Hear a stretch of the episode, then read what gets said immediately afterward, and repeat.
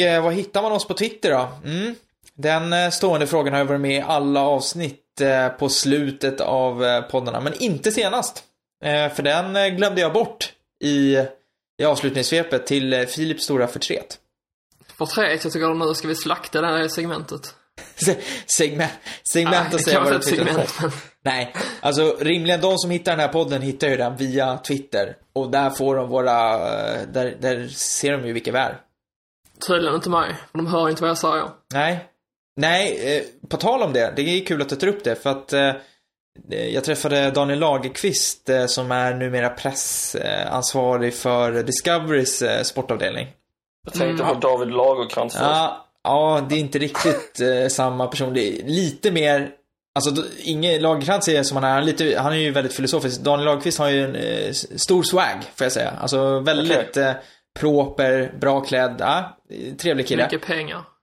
Det vet jag inte. Det, jag, det är svårt, mediebranschen är Eh, sådär. Men, Philips definition av swag är mycket pengar. men nu, eh, men nu, eh, nu kommer vi bort lite från ämnet här. Det roliga var att han hade lyssnat på podden och så sa han att det, det finns en som, vem är det som pratar sån eh, liksom extremt eh, dialektalt liksom skånska, hård skånska? Och det, det är ju då du Filip. Jaha, annars brukar jag för att uh, den gode Holm pratar mer skånska än mig. Nej, det var, det var faktiskt, eh, det Det var... går från avsnitt till avsnitt. Jag byter dialekt ungefär varannat avsnitt. Ja. Ja. det är sant. Eh, så att eh, där, där ligger du lite på minusfronten. Du får, du får skärpa till dig och börja prata lite mer stockholmska. Är det dit vi ska utvecklas nu? Det kanske du som ska, kanske du som ska förändra dig, eh, Adam. Men, eh, Den skånska Bundesliga-podden. Fy fan vad smalt. Köra Ja. det. Nåja. Vi pratar skånska. Ja, eller hur? Eh, I framtiden kanske. I framtiden. Nu eh, drar vi igång veckans avsnitt.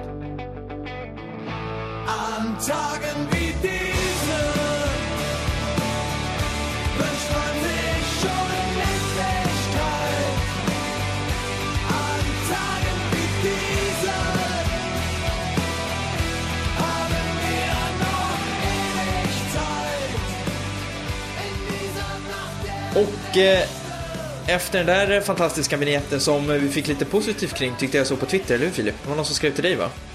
Mm, det blir en stor diskussion kring eh, vilka tyska låtar mer än den här fantastiska låten som är dugliga att lyssna på. Och vaknade med 40 nya med Twitter-meddelanden. Exakt. Va, vad, Jag hade har, bara varit med först. Vad har vi för tysk musik som vi faktiskt eh, lyssnar på idag? Alltså vad brukar ni, lyssnar ni på något specifikt från Tyskland? Nej, egentligen inte. Men eh, man får inte glömma Scooter, de är från Hamburg. Den går alltid hem liksom. Scorpions är väl klassikern, nämner man gärna. Eh, Blitz, Blitzkrieg är väl tyska de också va? eh, det, Och, det, och så Rammstein, det finns det säkert någon som fortfarande har vuxit ifrån. Exakt. Eh, jag, eh, jag lyssnade, han är visserligen österrikare men det är tyskspråkigare. Jag lyssnar mycket på Falco. Eh, Österrikisk rap. Vilket är på på 80-talet, syntrap. Eh, Jag fant- har släkt med Falcao. Syntrap. ja, fantastisk. Eh, han är inte släkt med Falcao. Nej, det, det är fascinerande. Falco är ju, han har gjort eh, Rock med Amadeus och Der Kommissar och massa låtar. Väldigt känd. Men gick tragiskt bort tror jag i slutet av eh, 90-talet körde han ihjäl sig i Dominikanska republiken. I vilket fall. Men Scorpions är väl den, More than Talking. Brother Louie, herregud. Nej, Ja, Scooter finns är ett alltså. Max Rabbe, har ni lyssnat på honom någon gång? eller? Nej. Nej, jag tror inte Det, det. rekommenderar jag. Det är riktigt skojfrisk. Eh, jag vet inte fan vad man ska kalla det där. Inte opera, men eh, snarare på. Han hade för övrigt konsert här i september i eh, Göteborg och tog 900 spänn för en biljett på operan. Han vet hur man tar betalt än. Eh, jag har ju svårt att se att han ska få igenom det. Han är Eller? ju superstor i Tyskland och är ganska stor utomlands också. Så att, eh, eh, ja. Han borde Alltså det är han Drake tar för en plåt. Ja. De, men du vet, det kostar att gå på opera. Uh, tydligen. På tal om Ja, ja. musik så tycker jag att vi eh, i ett avsnitt framöver, när vi har tid över, så ska vi lägga tid på att eh, ta oss igenom introlåtarna som klubbarna har, alltså sina hymner. För det finns eh, ett par riktigt bra hymner Bundesliga, bland Bundesliga-klubbarna. Det finns också ett par dåliga, men det finns, eh, det finns ett par bra faktiskt. Och jag vet redan vilken ettan är. Vet du det? Ja, de ligger sist i tabellen. Men de är bäst där i alla fall. Satt på stilrenaste matchställe. är Men eh, Filip, det får inte bli då det roligaste immarflåt och mest spännande immarflåt och eh, snyggaste immarflåt och sådana grejer. Utan nu... Nej, det, det räcker kanske med att vi bara lyssnar på dem helt enkelt. Ja, Ja, ja, det, det kommer framöver. Jag tror faktiskt att Köln spelar fram eh, rösta till den bästa eh, av supportrarna själva. Eh, det är svårt att tycka om Köln. Nej, det, det tycker jag inte. Speciellt efter den här helgen som var. Ja, det är i och för sig en annan femma. Innan vi kommer in på det så tycker jag bara Filip att du ska få dra ett litet eh, svep på våra svenskar i Tyskland. Mm, jag har varit dåliga på den fronten men vi kan väl försöka få detta så att vi gör detta varje vecka i alla fall så att våra kära lyssnare har en uppdaterad syn på hur det går för våra svenskar. Ehm, och vi kan väl börja med de två bästa då, Albin Ekdal och Nabil Bahoui. De var inte med när HSV förlorade så det var inte konstigt att man åkte på stryk då. Ekdal är skadad återigen, dock inget eh, jätteallvarligt och väntas vara tillbaka nu mot Dortmund. Och sen har vi då Bahoui som återigen är petad från truppen, verkar inte vara så populär hos eh, Gisdal. Sen hade vi ett svensk möte mellan eh, Oscar Wendt och Branimir Hagota som spelade tillsammans innan som säkerligen alla vet i eh, Gladbach. Och där fick båda två starta. Eh, Wendt spelade som vanligt 90 minuter och Hagota han blev utbytt i den 75 minuten men gjorde en helt okej insats. I Alexander Majers frånvaro ska vi säga för han är faktiskt skadad nu. Sen var det ett till svensk möte här, var Darmstadt mot Leipzig mellan Alexander Milosevic och, eh, eller Miloso, Milosevic, ska man säga. Jag vet inte varför jag säger Milosevic, men så är det. Eh, och Emil Forsberg då. Och eh, den förstnämnde han spelade 90 minuter backlinjen, fick dock inget bra betyg där av Kicker.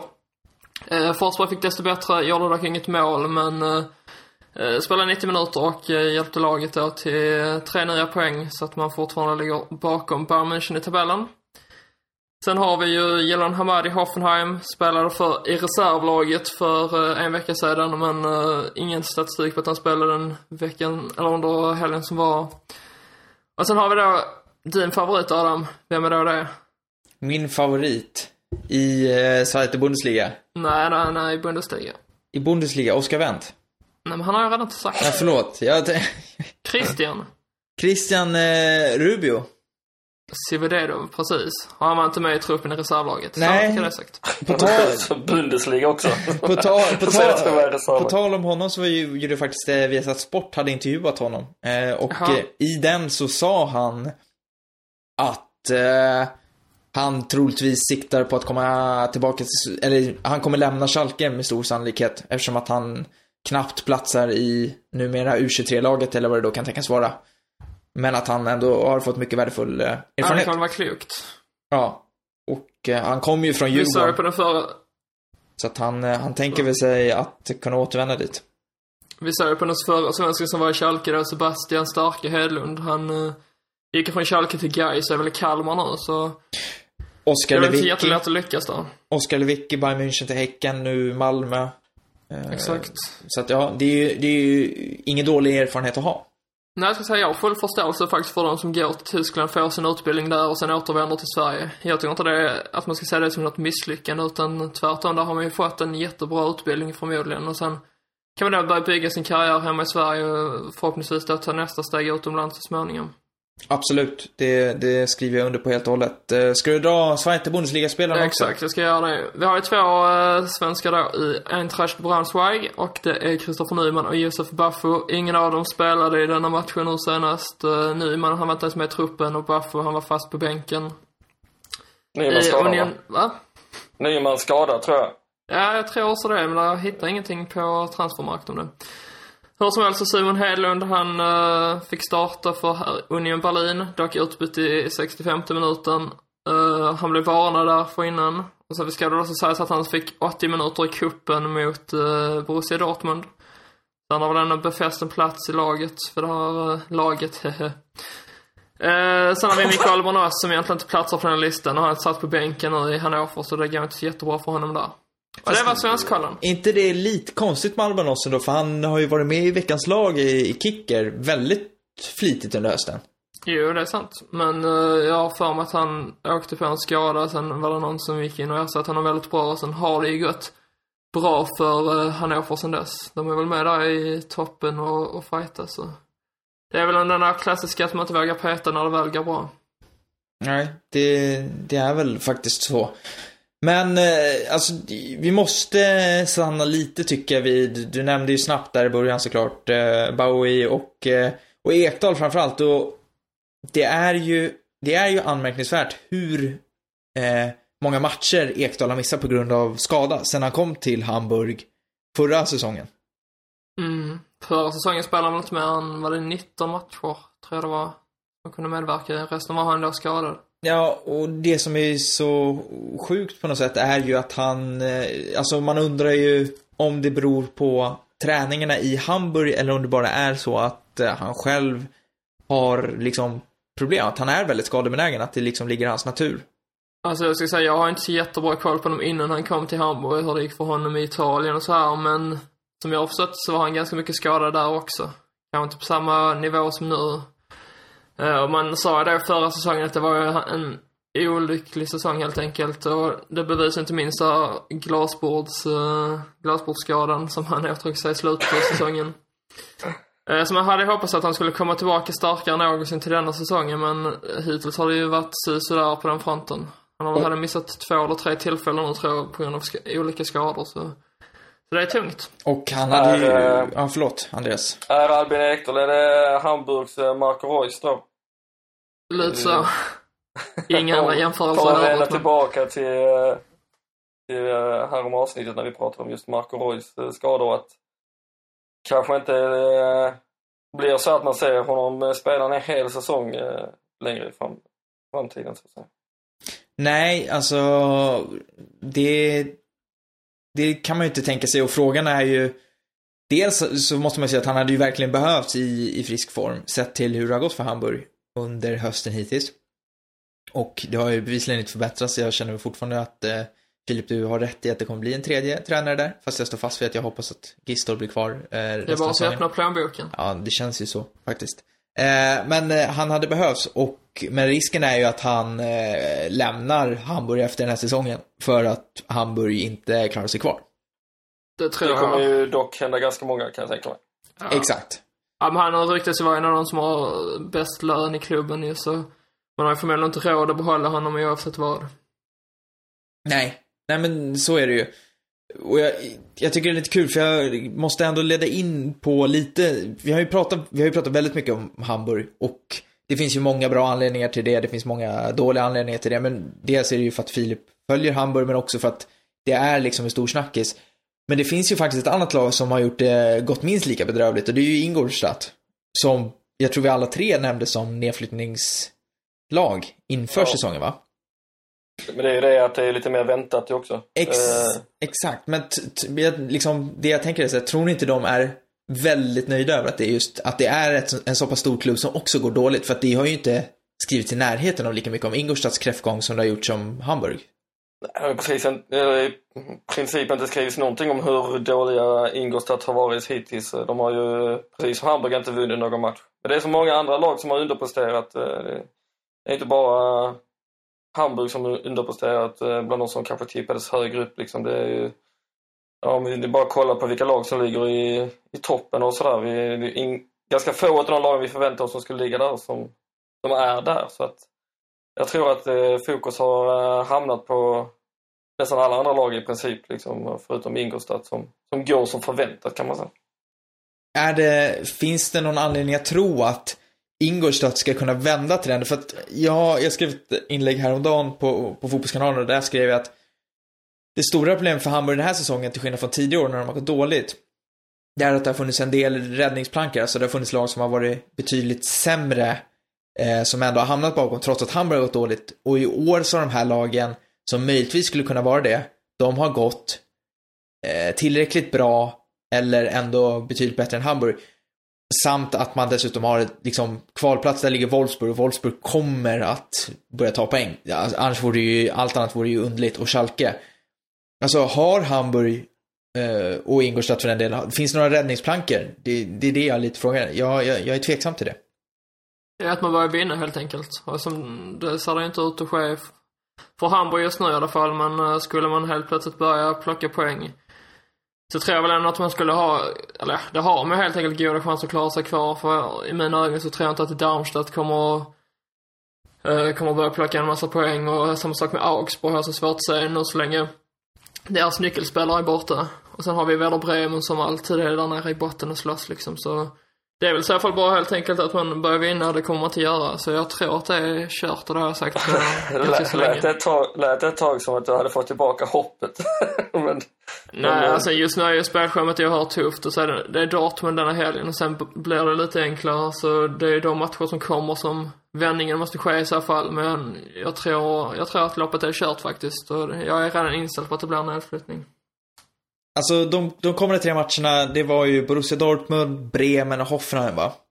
Kanske inte i den ordningen, men det är de tre man har härnäst. Och det är ju eh, väldigt jobbiga matcher. Derby mot Bremen som är i, som där båda verkligen behöver tre poäng. Och sen Dortmund och Hoffenheim som båda, alltså är bättre lag och Hoffenheim har gått extremt bra. Så att man kan ju inte räkna med någonting där. Jag, jag, jag kommer ju bara tänka på att liksom när Augsburgs första säsong när de hade nio poäng på hösten och sen lyckades rädda upp det där på våren ändå. Men, jag menar, det, nej, det är ju svårt alltså. Hamburg sitter ju i riktigt, riktigt jobbigt läge. Och, Men det var ju lite samma sak med Hoffenheim förra året. Det låg man ju som Ja, sist och alla hade räknat ut dem. Så det är väl där i så fall hoppet ligger att det ska komma in en, återigen en ny tränare då som helt så kan det trolla och, och få ordning på laget. Men jag, jag tror som sagt inte det kommer ske. vi kan ju redan nu någonstans se vilka lag som kommer att vara i bottenstriden när det väl börjar dra ihop sig. Och det är ju, ja, utöver Hamburg och Ingolstadt då, så är det ju, som du nämnde, Darmstadt och Augsburg och troligtvis Bremen. Alltså det är ju de fem lagen som det kommer stå emellan. Mm. Sen vet man inte med Freiburg heller. Eh, De har ju tagit rätt många av sina segrar har ju varit så här uddamålsvinster. Så skulle det börja gå dåligt för dem så är det inte omöjligt de halkar ner. Men de har ändå skrapat ihop 15 poäng än så länge så Då är man ju nästan halvvägs. klara Man är ju halv, alltså har man 30 så brukar man 30 lite över 30. Eh, då ska man ju klara sig i en normal säsong. Ja alltså det som gör Ingolstadt till det kanske svagaste laget i, även om eh, det finns lag på samma poäng och nära och sådär, är ju att Ingolstadt känns ju väldigt beroende av Lukas Hinterseer och Darius Kano som har gjort eh, ja, nästan alla mål tror jag. Medan de andra lagen, typ Hamburg, då är eh, ett bredare lag. Liksom. Det är fler som eh, har en högre högsta nivå tror jag. Eh, och där finns en möjlighet liksom, att lyfta det laget och ta, ta laget uppåt i, i tabellen. För Ingolstadt tror jag helt enkelt är för, för dåligt på pappret faktiskt. Och sen med Hamburg, man har gjort två mål på två matcher sen de senaste sju har man inte gjort ett enda mål. Och nu de tre kommande matcherna är Bobby Wood avstängd, så det har gjort de här två målen. Så det är väl på den fronten det handlar om också att man kan ju inte göra mål. Hade man kunnat det så hade läget förmodligen sett lite annorlunda ut. I alla fall några poäng till. Men, eh, Ja, men det känns ju som att det är ett kollektivt, liksom, en, eh, hela kollektivet har ju fallit liksom. Eh, ja. I Ingolstads fall så, så är som har hänt ju, egentligen. ja, och i Ingolstads fall så är det att, precis som man såg inför säsongen, liksom, att det är, det här, den här truppen är alldeles för tunn och för lite spelare som, som kan eh, liksom, eh, avgöra matcher och sådär. De har egentligen två, tre spelare som, som skulle kanske plats i ett lag som ligger högre upp i tabellen. Eh, även om de då lyckas eh, ta poäng och ta Borussia Dortmund då. Något. Vilket är, det är Ingolstadt och Hamburg har tagit två poäng var. De har tagit en poäng när de mötte varandra. Och Hamburg tog en poäng mot Mönchengladbach och Ingolstadt en mot Dortmund. Eh, vilket är, ja, jag vet inte vad det är. Men att ha två poäng efter nio matcher är verkligen, det måste nästan vara historiskt dåligt. Ja, Hamburg har aldrig inlett så dåligt i alla fall. Det, nej, det, det är fascinerande. Il capo è fertig. Vi har ju Wolfsburg där nere också som ligger på kvalplatsen just nu. Eh, Dieter Häcken fick ju gå för, vad är det, lite drygt två veckor sedan. Om jag inte är helt ute och cyklar. Och eh, nu ryktas det ju faktiskt om att det blir en Hamburg-bekanting som kanske dyker upp där, eller hur Filip? För att eh, Labadia sägs vara på väg. Ja, han sägs ligga väldigt bra till nu för att få jobbet som ny Wolfsburg-tränare. Och det är väl inte jätteförvånande egentligen för eh, Labadie har bevisat för att han vet vad som krävs för att få ordning på maskineriet när det är grus i det. Men jag kan ju aldrig tänka mig att han kritar på ett treårskontrakt utan det är nog bara säsongen ut i så fall. Och, men han har väl, har han varit där förut? Nej, han har aldrig varit i Wolfsburg. Han har inte varit i Wolfsburg, han har varit i Leverkusen, Leverkusen. Stuttgart och Hamburg är väl lagen han har varit i. Andreas eh, Lavadia i Wolfsburg, vad tror du om den kombon? Nej men eh, det känns ju verkligen eh, som att eh, Wolfsburg har eh, insett i vilken position man är, är i och eh, man är ju i en bottenkamp här nu även om det är eh, ja, 15 matcher kvar på Nej det räcker inte. 25 matcher kvar på, eh, på säsongen liksom. Eh, så är man i botten och är det någon som eh, som har erfarenhet utav bottenkamp och att faktiskt många, eh, i några fall i alla fall, har räddat kvar eh, lag i den situationen så är det ju Bruno Labbadia. Eh, och han har ju... Han kan ju liksom verkligen lyfta laget, men även om det har varit sällsynt nu i, i Hamburg på sistone så, så eh, gillar den lösningen mer än att man tar in ett eh, stort tränarnamn utanför Tyskland som André Villas-Boas som du har snackat om och sådär. Han, Eh, han ska ju faktiskt ha tackat nej, sägs det. Ja, till och med det. Frågan är, har man då valt honom före Bruno Labbadia? Eller skulle man gjort? Ja, alltså jag är väl inne på ditt spår. Jag hade nog inte valt det. Av den enkla anledningen, ja men det, det, är väl, det är väl rätt rimligt som du, ja, som du säger, att ta in en som faktiskt vet hur det fungerar, som inte behöver någon anpassningsperiod utan som kan gå in och köra från, från start liksom. Där det inte är några språkförbistringar eller liksom som kan ligan och, och vet vad, vad, ja, vad som gäller. Mm, jag tror det. Se bara på Di Matteo i Schalke till exempel. Ja, nej men det, ja. Den, den mardrömmen. Bra tänkt men eh, ändå inte. Uh, nej men jag tror ändå uh, att uh, Labbadia blir en bra lösning för, för Wolfsburg. Och han är säkerligen välkänd för många spelare där också så att... Mm. Det, Vad hände med van Schaal, sa jag? Ja, Ja, vad hände med van Schaal? det, Det är så jävla övertygad. det kan Ja, man ju... han dyker säkert upp förr eller senare. kan man ju undra faktiskt. Eh, Ja, vi får se vad som eh, händer med van Gaal. En sak är säker, han har ju varit förbundskapten, men han kommer inte att bli det för det tyska landslaget på ett tag. För att Jogi Löw kritade ju på en förlängning i veckan. Hans kontrakt eh, sträckte sig till eh, 2018, nu så sträcker det sig till 2020. Och eh, ja, Filip, din reaktion på Lövs förlängning? Att det inte var särskilt oväntat. Vi har ju pratat ganska mycket om Löv och vad vi tycker om att han skulle eventuellt då förlänga och vi kan väl alla vara överens om att det inte finns något bättre alternativ just nu, så det är lite så jag känner. Sen tycker jag att det är tråkigt att han, att han ska vara kvar där, för jag hade gärna sett en, ett annat ansikte där. Jag tycker han har varit där för länge helt enkelt. Men eh, man kan inte snacka bort att han har haft, han har ju givit landet eh, framgång i alla fall under sin tid där, så, så det känns väl helt okej. Desto mer spännande att se nu hans nya assistent som kommer in. Ja, för att eh, med sig på köpet så har han ju fått Miroslav Klose som nu har lagt skorna på hyllan officiellt. Kommer att kliva in i tränarstaben och påbörja sin tränarutbildning genom att följa bland annat Löv. Han ska även vara en del av eh, resten av eh, de landslagen som finns och, och dyka upp på lite olika ställen. Det Känns... behövs att vi kan göra lite mål. Ja, Jag, tänker, jag tänker så här hur eh, Lövs inställning till att eh, spela med eh, falsk nia och eh, peta anfallare från truppen. Det ska bli intressant att se om den förändras nu när självaste Klose kommer in och, och är med vid sidan av och sådär. Om, om du kommer få se kanske ja, ännu mer fokus på anfallsspelet från Löv helt enkelt. Alltså det är inte omöjligt. Jag är lite spänd på att se jag vet ju att Klose, han har ju, han har ju sagt i många intervjuer genom åren att han är intresserad av tränaryrket. Jag är lite, jag är lite fascinerad av att se om han har det där i sig, tränargenen i sig, att han på sikt kan bli ett spännande namn. För att sett till hans spelarkarriär så är det ju, finns det ju väldigt, väldigt mycket positivt att prata om. Ingen spelare som någonsin kanske var världsklass på det sättet skulle jag påstå då. En väldigt duktig anfallare, men aldrig den där riktiga, riktiga toppen. Eh, frågan är hur han kommer fungera som, eh, som eh, tränare. Och sen så blir det ju spännande att se vad han kan tillföra. Jag tänker eftersom att han ändå var, har varit med i många mästerskap, om han kan liksom förändra en viss tongång i rätt riktning eller liknande. Alltså det kan ju på det sättet också påverka. Det blir spännande att se vad han får för typ av roll. Mm. Absolut. Filip sitter tyst som en. Ja. Nej, jag bara funderar på om han blir ny Filippo Inzaghi eller om han uh, blir ny Bruno Labbadia eller om han blir ny Felix Magath.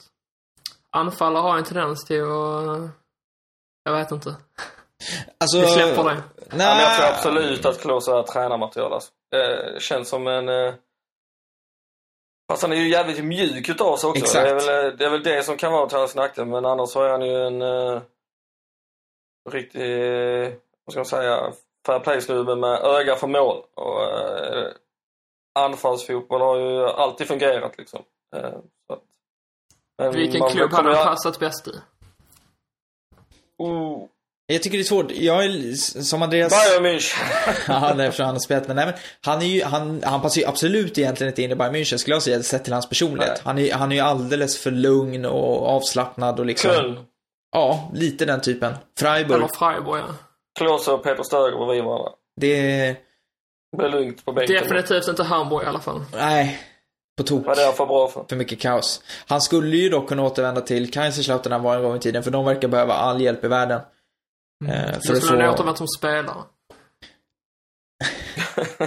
Spelande tränare. Man hoppades ju på att han skulle eh, skriva på för dem nu när han valde i somras. Men eh, han valde att lägga skorna på hyllan istället. Ja, men det är ju spännande att han gör det nu. Det har ändå gått ett par månader, så han har ju ändå haft tankar på att eh, kunna liksom köra någon comeback-liknande grej och återvända. Frågan är vad det är som har liksom gjort att han har väntat. Om det har funnits anbud som han tyckt var intressanta nog, men där det inte har stämt överens med pengar, eller om det bara är så att han, han behövde tid på sig att verkligen eh, bestämma sig för vad han skulle göra.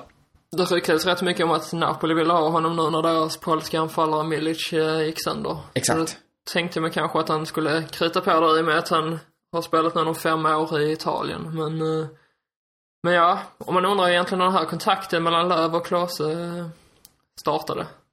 Har det liksom funnits som ett alternativ en längre tid eller var det nu nyligen som man fick den förfrågan? Känns som att de kan springa på varandra rätt ofta. Ja, och Tagit över en eh, espresso.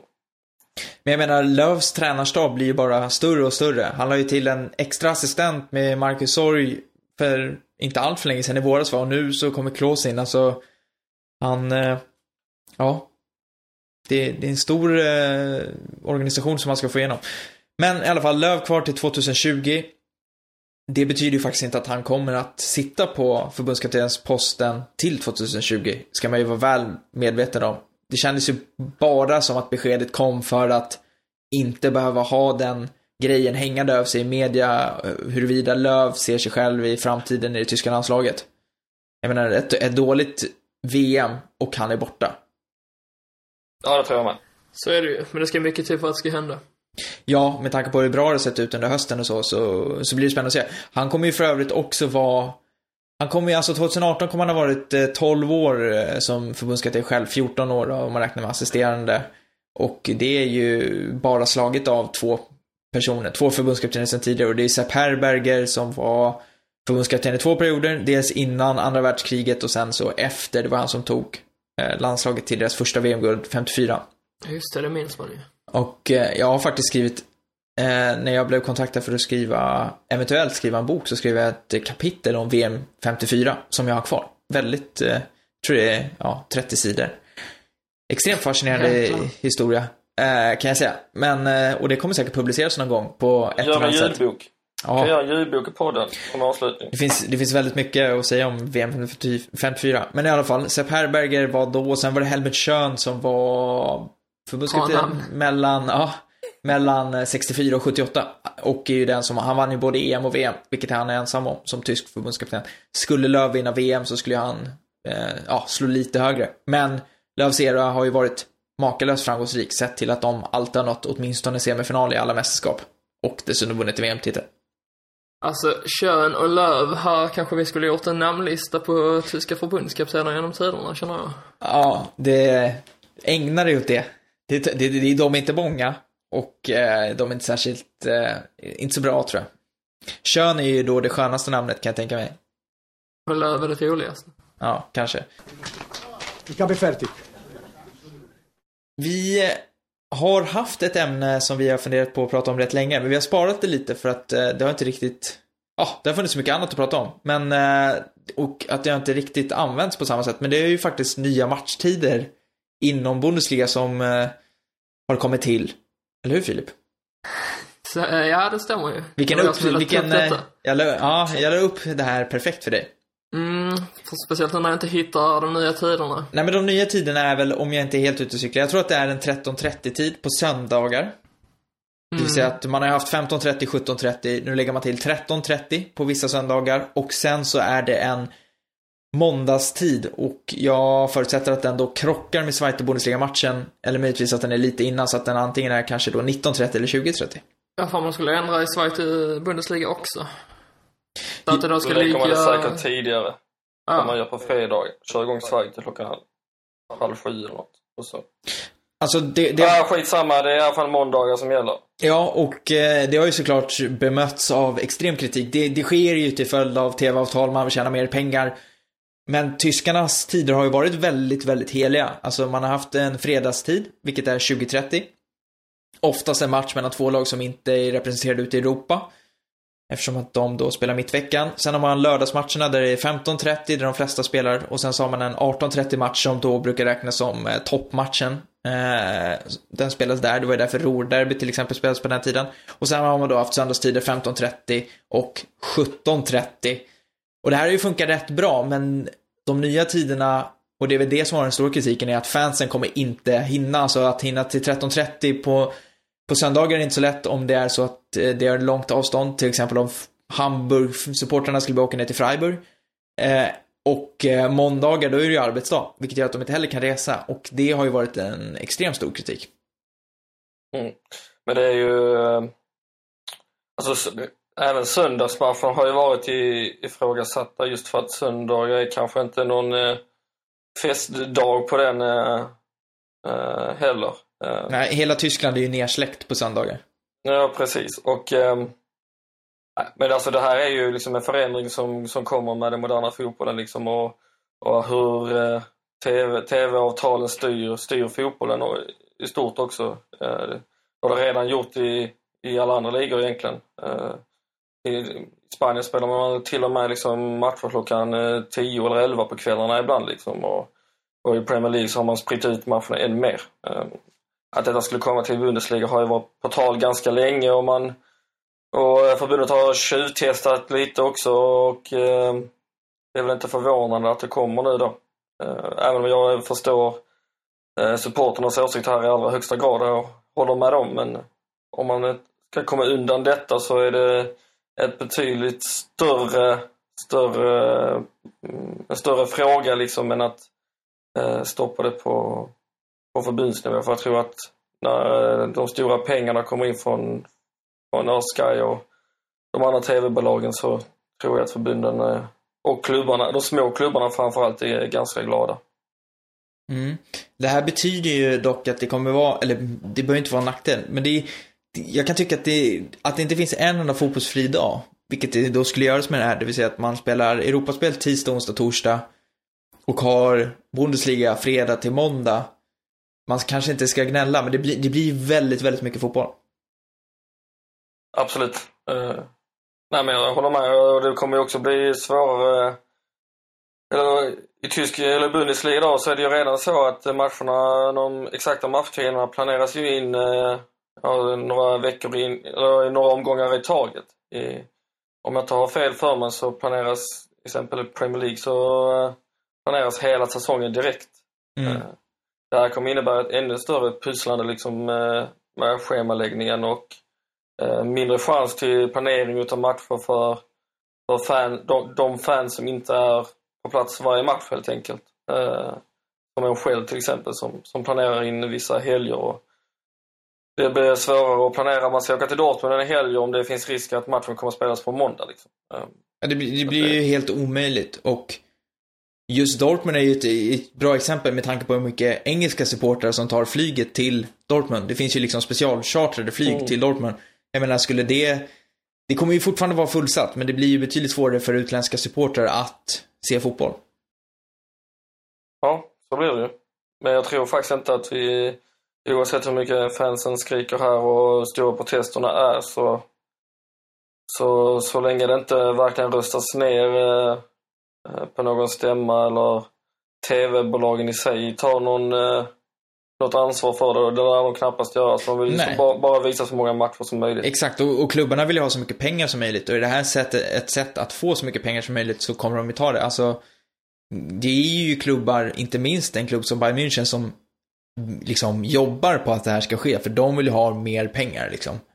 Eh, De är Det är högst märkligt drivande. också i och med att de är rikast liksom. Exakt, de är De- högst drivande i det och ja.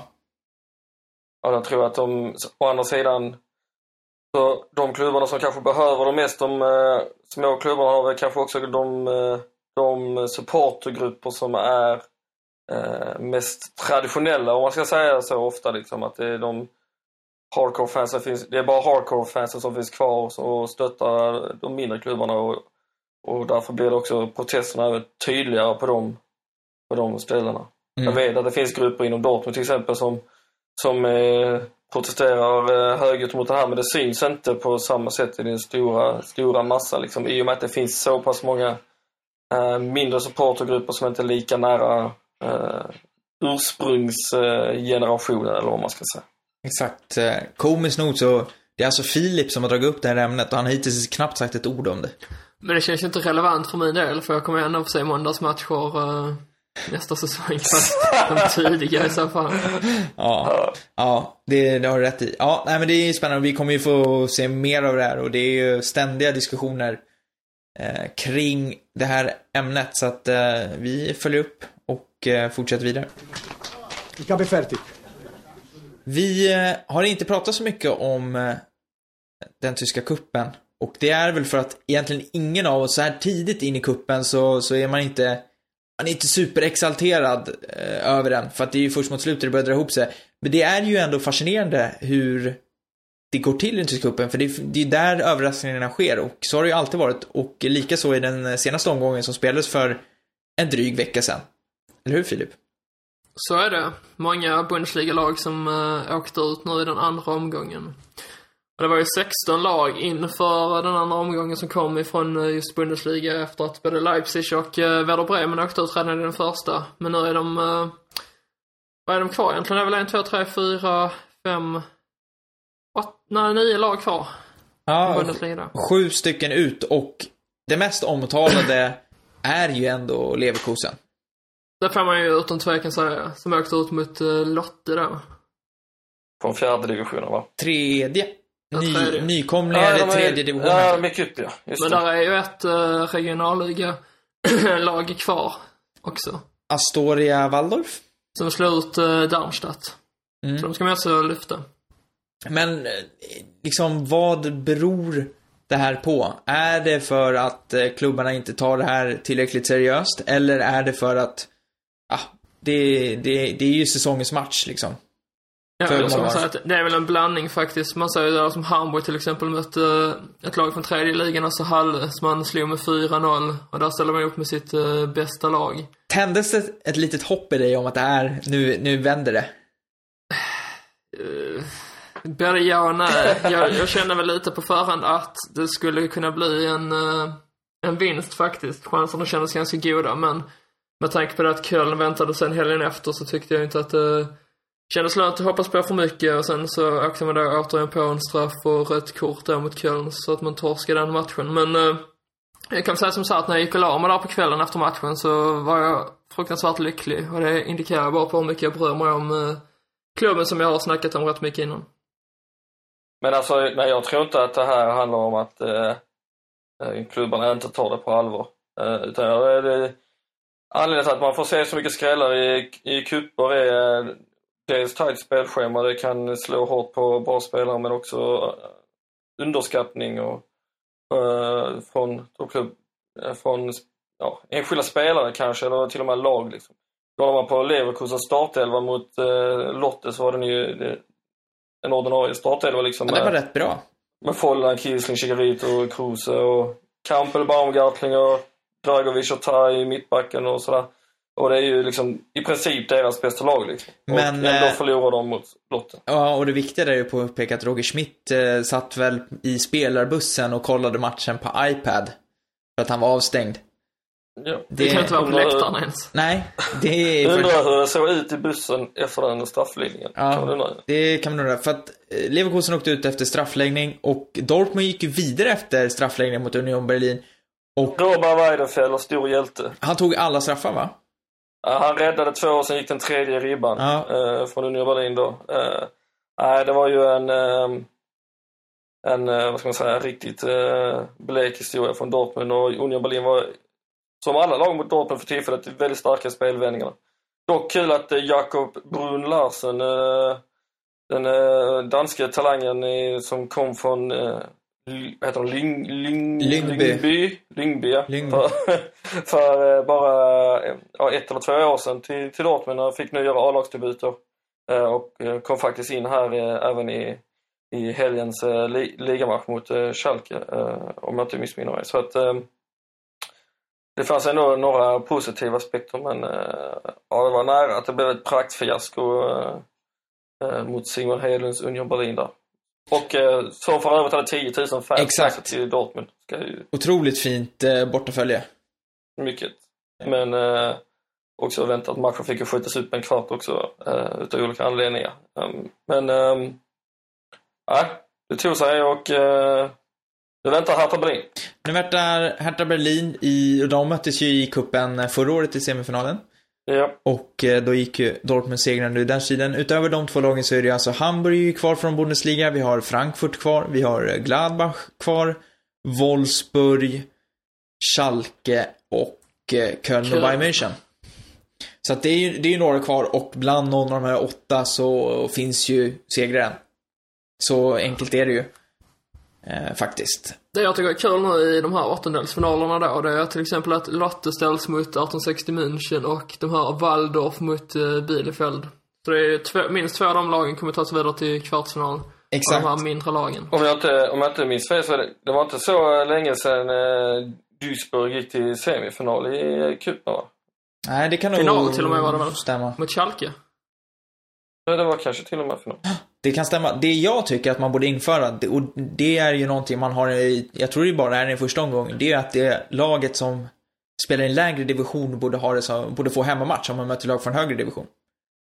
Mm, det har man väl i första omgången bara. Ja, det är det, exakt. Man har det i första, man har det inte sen. För att skulle till exempel då, för att som, som sagt, det kommer ju finnas lag. Säg att Bielefeld slår Astoria Waldorf. Jag menar, då, chansen är ju stor, för vi vet ju hur lottningarna brukar gå till, att de får möta Bayern München borta och Bayern München får en enkel resa. Det borde ju vara så att Bielefeld får den hemma, oavsett hur det, liksom, det ser ut när det faktiskt lottas. Och får Bayern hemma. Dels för att öka chansen, men också för att det är för Bayern så är det ytterligare match, de har redan så mycket intäkter, men för Bielefeld skulle det ju kunna vara intäkter som faktiskt betyder extremt mycket för liksom föreningen i sig. Ja, jag håller med dig så tillvida, men det hade ju blivit diskussioner av det sen om uh, Bielefeld hade vunnit den matchen. Ja, fast... Nej. Nej, jag vet inte. Men det skulle ha blivit någon form av, uh, av diskussion tror jag i alla fall. Kanske inte just i Bielefeld bayern fallet men i något annat fall om det hade blivit så att Hamburg Det åker ur och får eh, hemmamatch hela... hela nästa säsong i Tyska cupen. det hade inte varit helt fel. Nej. Nåväl, vi eh, följer upp eh, Tyska cupen när det drar ihop sig för, eh, vad sa du, åttondelsfinal? Sextondelsfinal? Februari Ja. spelas den. Långt kvar till dess. Innan vi avslutar veckans podd så ska vi ju köra Vem är spelaren såklart och eh, förra veckans spelare hade ju en, en riktigt härlig radda med klubbar som han spelat i. Jag, jag drar dem lite snabbt igen. Vi hade TSF Ditzingen. Vi hade Stuttgart Kickers. Eh, VfB Stuttgart, Borussia Dortmund, Bolton, Hannover, Hertha Berlin och HNK Reka från Kroatien. Och Andreas, jag vet att du, du kom ju på det rätt snabbt. Ja, men det, det finns rätt många datorspelare som har varit över i England och, och spelat och sådär, men det jag fastnade på var väl att det var både Stuttgart och Kickers och VfB Stuttgart då, så det var en ganska tydlig Stuttgart-koppling. Eh, tillsammans med att han hade spelat i Dortmund då, som, som fick mig att komma fram till den här spelaren då. Ja, och sen nämnde jag ju att han var fortfarande aktiv på ett eller annat sätt i den tyska fotbollen. Och då skickade ju eh, Filip en felaktig gissning till mig. Mm, det gjorde jag. Ja, du, du Han gissade, Filip gissade på Pep Guardiola. Nej, men du, du skickade Kovac, vilket var oklart i sig. Eftersom det kan vara... finns- såklart. det är två. Men du var ju faktiskt inne på rätt spår. Vet du vem det är nu? Eh, jag vet om det är, tror jag. Jag kan ju inte säga garanterat, men jag är eh, 99% säker. Ja. Säg det då. Ja, Andreas sa att jag skulle fokusera på en klubb och det gjorde jag. Och då kom jag fram till att det var eh, Freddy Bobic. Ja, och han är ju sportchef i Frankfurt idag, där Nico och Robert Kovacs faktiskt är. Så att... Eh, Så där fanns en koppling ändå. det liksom. fanns ju en koppling. Ja, Det ju... man om, man, om man nu tänkte att det var Kovac så fanns det koppling. eh, så att nej, det var Freddy Bovic som gjorde 37 landskamper för Tyskland, 10 mål. Sa du Bovic? Han är ju faktiskt född i Maribor i eh, forna Jugoslavien. Idag eh, Slovenien va? Slovenien? Ja, precis. Och sådär. Hade ju känd anfallare, var ju ändå målskytt. Ska vi säga att hans, hans stora, han, i Stuttgart var ju hans stora del av karriären i, i alltså VfB Stuttgart. Men han hade ju en kort sejour i, i Dortmund också. Efter att han varit framgångsrik i Stuttgart i den klassiska trion där med eh, Giovanni Elber och eh, Krasimir Balakov. Som kallas för den magiska trion på topp i eh, Stuttgart. Jag har eh, såklart eh, förberett tre påståenden kring Freddy Bovic och det är ju sant eller falskt som gäller. Och eh, första påståendet är ju Freddy Bovic är en eh, frimärkssamlare. Falskt. Ah, Jag vill ju Äh. säga sant, men jag säger falskt. Det är klart att det är en frimärkssamlare. Nej, det är eh, falskt. Däremot så har han funnits på ett frimärke på Färöarna faktiskt. Vackert. Ja, efter Men att dock ha, väldigt oklart. eh, väl, efter att ha spelat en landskamp eh, mot Färöarna på Tyskland. Jag vet inte exakt anledningen till varför han kom med på frimärket, men eh, han har faktiskt blivit avbildad och fick eh, skicka till sig eh, frimärken från Färöarna då, med honom på. Jag tycker det det är fascinerande bara det. Jag har nu i alla fall samlat på de frimärkena. Ja, det De sitter väl någonstans hemma i någon ram eller något liknande eller eh, Kylskåpet. Ja, exakt. Plastat in dem liksom. Nåväl, påstående nummer två. Fred Bovic har blivit avstängd efter att ha kallat en eh, domare för en blind bratwurst. Självklart. Det, det, är- det är sant. Och eh, det här skedde då, tror jag, någonstans på... Blind bratt. Ja, det är ju väldigt roligt i sig. Han eh, ska ha blivit extremt irriterad eh, och eh, under en match och ska då mot slutet av matchen, eller efter en blåsa av, så ska han ha gått fram till domaren och som var Hans-Jürgen Kasper och kallat honom för en blind bratwurst. Och fick då retroaktivt en avstängning. Så att han fick sitta och se nästa match på läktaren. Det är faktiskt väldigt roligt på sitt sätt. Fantastisk anekdot. Ja, men det, det är lite, det är, ändå, det är ändå rätt kul, kan jag tycka. Jag gillar det. Ja. Och eh, det tredje och sista påståendet då. Fred Bobic inledde sin sportchefskarriär i Bulgarien. Ja. Eh, nej. Han eh, inledde den faktiskt i Bulgarien. Det är sant. Ja, där sopar man rent igen då. Ja, det var hans kompis eh, Balakov som faktiskt lockade honom till eh, Bulgarien och eh, han tog då över en klubb som, det här, det här blir jobbigt uttalat, jag tror den heter Chernomerets Burgas. De vad Burgas menar du? Ja, ja. Ja, exakt. Och eh, ja. där eh, kom han in eh, i slutet av mars 2009 och eh, lämnade i juli 2010. Eh, det blev ingen jättelång, men då hade de extrema planer på att eh, eh, då föra det här Burgas mot eh, toppen. Det finns en otroligt eh, fin bild på när han står på arenan och det ser ju ut som att helvetet har liksom fallit över den här arenan. Det är, alltså det är stenläktare. Det ser, det ser helt sjukt ut. Eh, kan lägga upp den i samband med den här podden bara för att man ska se hur det ser ut. Jag tycker... Det, det var ingenting för liksom Söderstadion som man kritiserade i Sverige var ju rena liksom skönhetssalongen i jämförelse med vad Burgas hade som eh, hemmaarena. Det fanns också lite annat jag funderade på om jag skulle ta med när jag hittade Fredovovic. Till exempel att han har varit med i musikvideo och sjungit in en låt. Klart han har. Eh, som kallas för eh, Das Tragische Dreieck, det vill säga den tragiska trion. Som kom till efter att Elber och Balakov lämnat Stuttgart och han hade två nya kamrater, Gerhard Posner och Mark Haber. Då sjöng de in en låt som heter Steh auf och gjorde en eh, musikvideo till den. på slutet av 90-talet. Så den kan man ju faktiskt det är säkert eh, YouTube upp och se. Vad har ni på, Ja. vad tänker ni kring Fredrik Bobic? Har ni några minnen av Fredrik Bobic? Jag minns honom mest som sportchef i Stuttgart för hans aktiva karriär var lite innan jag började intressera mig för eh, tysk fotboll på allvar. Så, så jag har inget minne av honom när han spelar riktigt. Men som sagt, eh, främst när han var i Stuttgart som, eh, som sportchef. Han var ganska så kritiserad där. Mm. Andreas? Jag har inga direkta minnen. minnen. Han, eh, han var ju spelare också på en tid där eh, Dortmund hade ganska stora profiler och, och eh, ja, på hans, eh, som Amoroso, Jan Koller och sådär. Och som var, precis som Filip, innan min, eh, innan man hade blivit vuxen och sådär.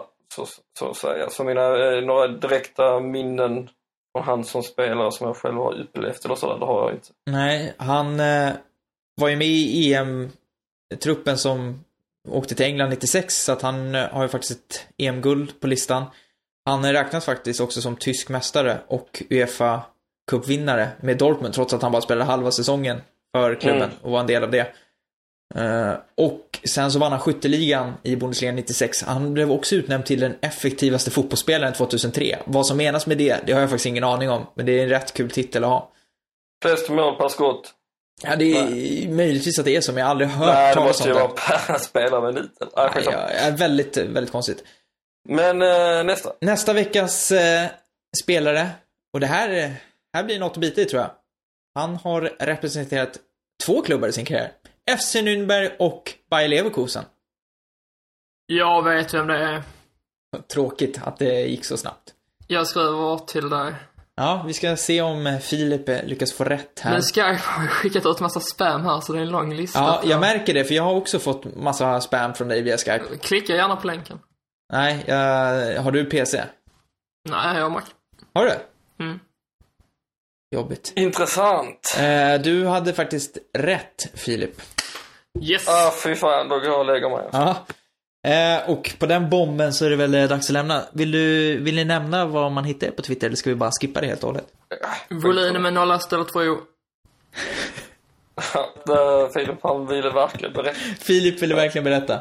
Andreas? Ja, men om ni vill någonting så hör av er till Filip då. Ja. Tutu Balutu sa också att man skulle följa mig på Twitter så jag känner mig hedrad nu. Jag får sprida ordet. Ja, verkligen. Verkligen. Vi eh, säger på återseende, vi hörs om en vecka. Mm. Ciao. vi. Hejdå! Ciao!